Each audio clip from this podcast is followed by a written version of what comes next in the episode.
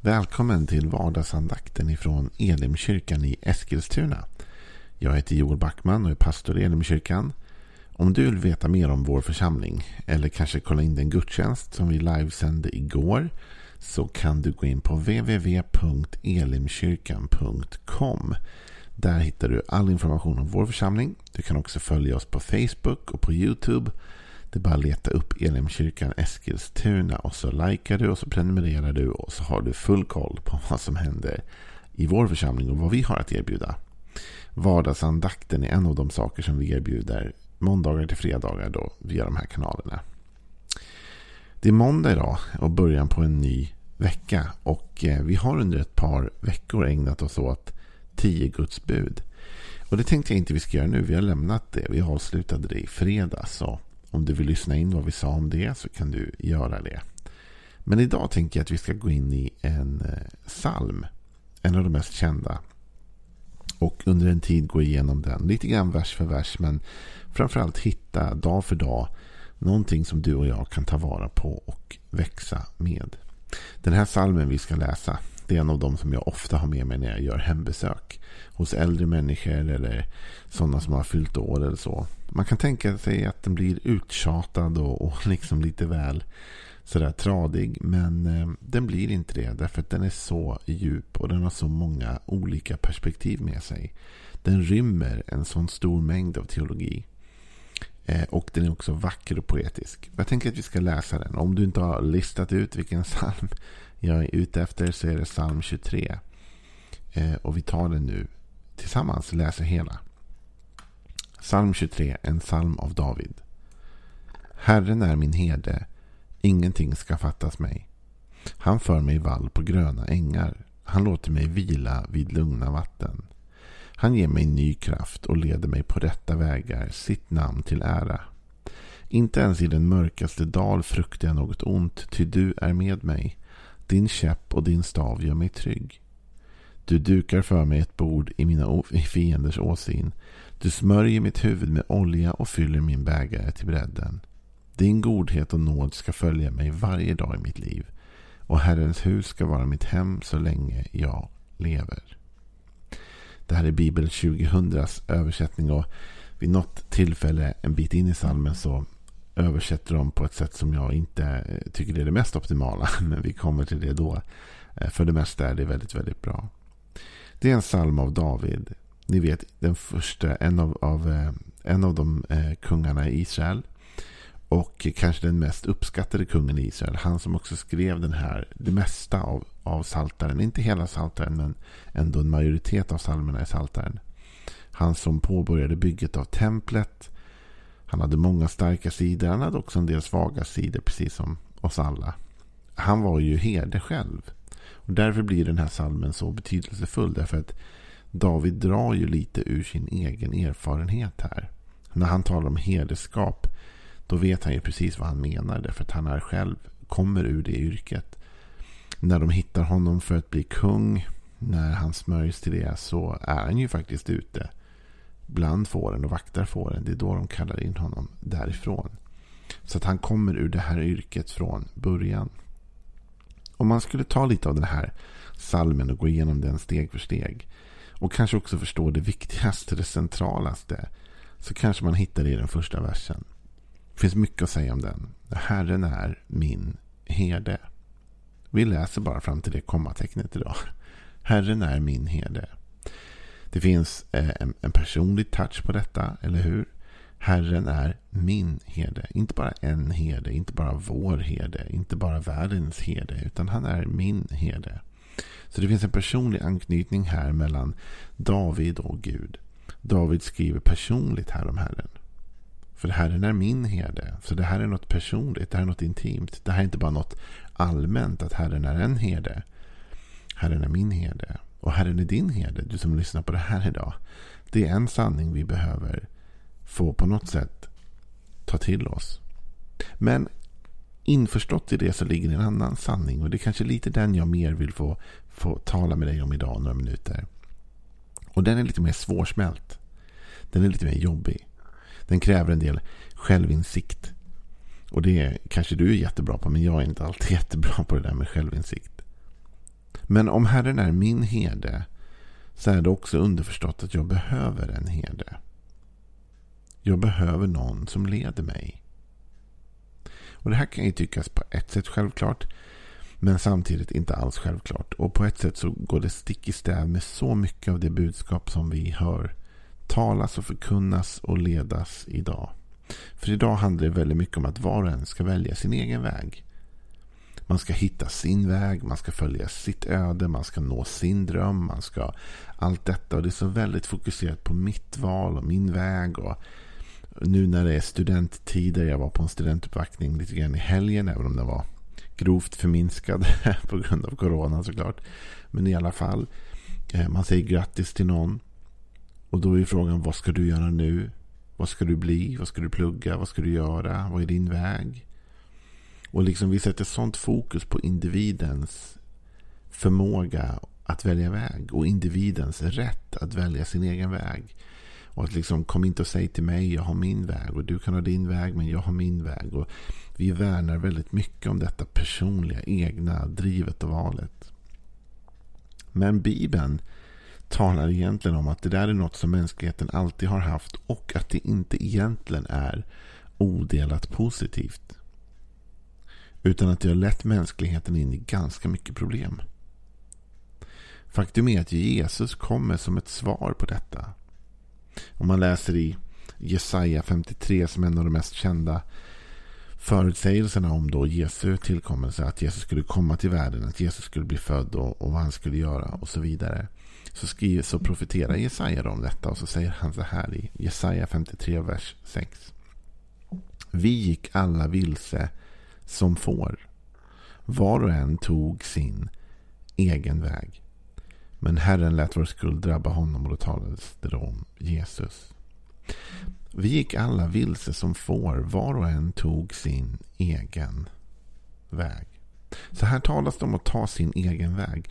Och som sagt i vår kultur, i vårt samhälle just nu så är att ta sin egen väg något väldigt positivt för det mesta. Ja, jag har valt min egen väg. Alltså, det är ingen som har styrt mig eller tvingat mig eller lett mig. Utan jag har mitt eget driv. Jag har hittat min egen väg. Och, och jag är stolt över det. Och ingen ska säga att jag inte kan ta den här vägen. Och, så, och sådär va. Sin egen väg. Men vet du vad Bibeln säger om det? Den säger att när vi alla gick vår egen väg. Då gick vi vilse. Då gick vi vilse. Det ledde inte till den enorma framgång som vi har målat upp att det gör. Det ledde inte till den stora seger som, som det liksom är nästan utlovat. Att den som väljer sin egen väg och vandrar sin egen väg, han kommer garanterat, eller hon kommer garanterat att lyckas. Nej, Bibeln säger att den som tog sin egen väg gick vilse. Som får. Och det är ju då så att får behöver ju en herde. Och det, det är så därför att de är ganska, eh, de har inget lokalsinne. Får har verkligen ett jättedåligt lokalsinne. Så det är ingen komplimang liksom egentligen att Bibeln säger att vi behöver en herde. För indirekt säger den att vi är får och får har ett extremt dåligt lokalsinne. Men du skulle inte behöva ha en, Eh, en tjänst eller ett arbete eller en uppgift som hette fåraherde om det inte var så att fåren då som sagt inte kunde hitta själva.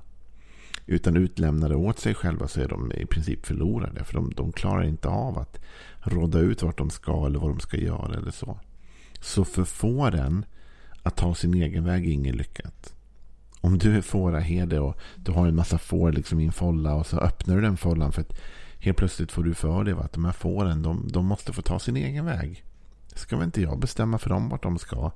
Varför ska jag visa dem till en gräsfläck när de kan få hitta en egen? Och ska jag verkligen styra dem på det sättet? Det är bättre att jag bara öppnar, jag öppnar grinden och jag släpper ut dem och de får vandra fritt. Vet du vad? Om du skulle göra det om du vore fåraherde så skulle du inte göra de fåren en tjänst. Du skulle snarare leda dem till deras förfall. Därför de klarar sig inte själva. Och Bibeln talar här om att vi som människor, vi klarar oss inte själva. Jesaja säger att när människan fick ta sin egen väg och vandra sin egen väg helt bara göra precis som hon ville. Då gick hon vilse. Var och en gick vilse. Och det var inte bara liksom lite vilse. När Jesus kommer så står det i Nya Testamentet att, att, att Jesus tyckte synd om folket. Han fick medlidande med dem för de var illa medfarna. Som får utan herde. Och då är vi återigen inne i den såklart mellanösterska kulturen på den tiden som alla då förstod. Det vill säga får utan heder leder till inte framgång utan till att de blir illa medfarna. De kan inte hantera sig själva. De kan inte sköta sig själva. De klarar inte det.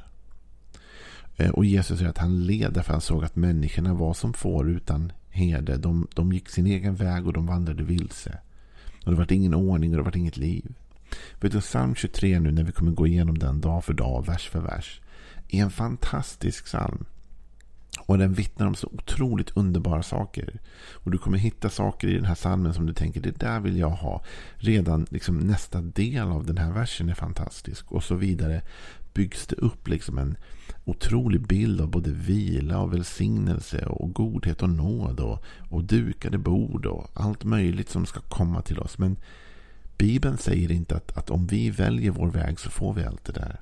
Bibeln säger att om vi följer herden så kommer vi dit. Bibeln säger att det finns en herde som vill leda oss till alla de här sakerna. Men om utlämnar åt oss själva kommer vi gå vilse. Nu är ju Gud en god herde. Och Gud är en god Gud och Gud kommer låta oss vandra vår egen väg om vi vill. Men jag skulle inte uppmuntra dig att göra det. Jag skulle uppmuntra dig att gå emot strömmen. I den här tiden nu skulle jag uppmuntra dig att gå emot strömmen. Varför måste du välja din egen väg? Välj Guds väg. Var inte så stursk. Tro inte att du vet allt eller kan allt. Och nu talar jag inte bara till dig, jag talar till mig själv. Jag måste inte välja min egen väg. Jag måste inte välja min framgång eller vad jag tror att det här är min väg. Det här är det rätta. Det här är. Utan jag måste inse att Joel Backman, du är ett får. Du går ofta vilse. Du har en förmåga att inte kunna navigera dig själv genom livet. Och när du tror att du har hittat din väg så har du ofta hittat fel väg. Och det blir ofta smärtsamt när man upptäcker att, att min väg ledde inte dit jag trodde. Men Guds väg leder till vila, leder till ro, leder till välsignelse, leder till dukade bord, leder till allt möjligt gott. Den kan leda ibland på en del snåriga passager genom dödsskuggans dal och så vidare. Men den leder till något gott. Men ibland måste vi lita på den som leder oss. Och våga släppa liksom.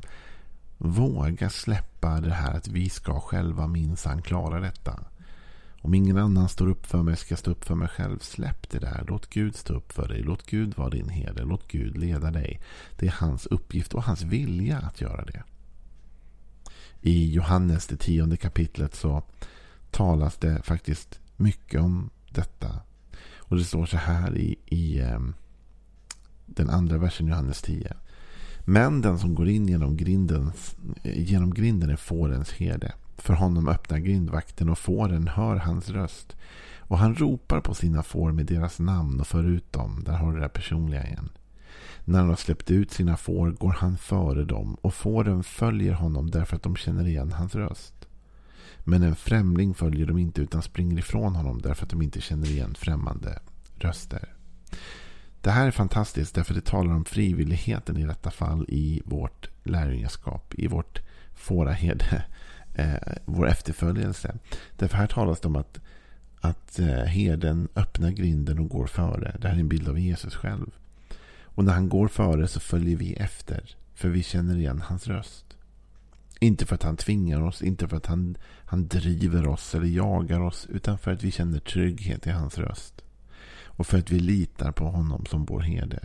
Och därför att vi litar på att han vill vårt bästa. Om du tror att Jesus vill ditt bästa så borde du ha trygghet i hans röst och våga lita på hans ledning. Jesus själv indikerar att han är den gode herden. Han säger faktiskt i vers 11. Jag är den gode herden. Den gode herden ger sitt liv för fåren. Så här talar Jesus om att, att han är beredd att, att, att offra sig själv. Och han har också bevisat i historien att han gör det för oss. Han är den gode herden som har fårens bästa för ögonen. Så, vad var det jag ville säga med den här första delen av psalm 23, första andakten idag? Jo, detta. Att du och jag, om vi vill nå Guds goda för vårt liv så måste vi lita på att Gud leder oss dit. Och vi måste våga vara modiga nog att gå emot vår tidsålder och säga jag tänker inte välja min egen väg, jag vill välja Guds väg. Jag litar mer på hans förmåga än på min egen. Jag litar mer på att han kan leda mig rätt än att jag kan leda mig själv rätt. Och det är hans röst jag vill följa frivilligt. Därför att jag vet att utan honom går jag vilse. Utan honom blir jag illa medfaren. Utan honom hittar jag inte rätt. Så du, låt, låt dig idag ledas av den gode herden Jesus. För det vill jag göra. Jag vill bli ledd av honom. Och jag tror att om vi låter honom leda oss, om vi kan säga som David, Herren är min herde. Då tror jag att vi kommer ha en fantastisk måndag. Och jag tror att vi kommer ha en fantastisk vecka och ett underbart liv. Ha en välsignad måndag. Hej då.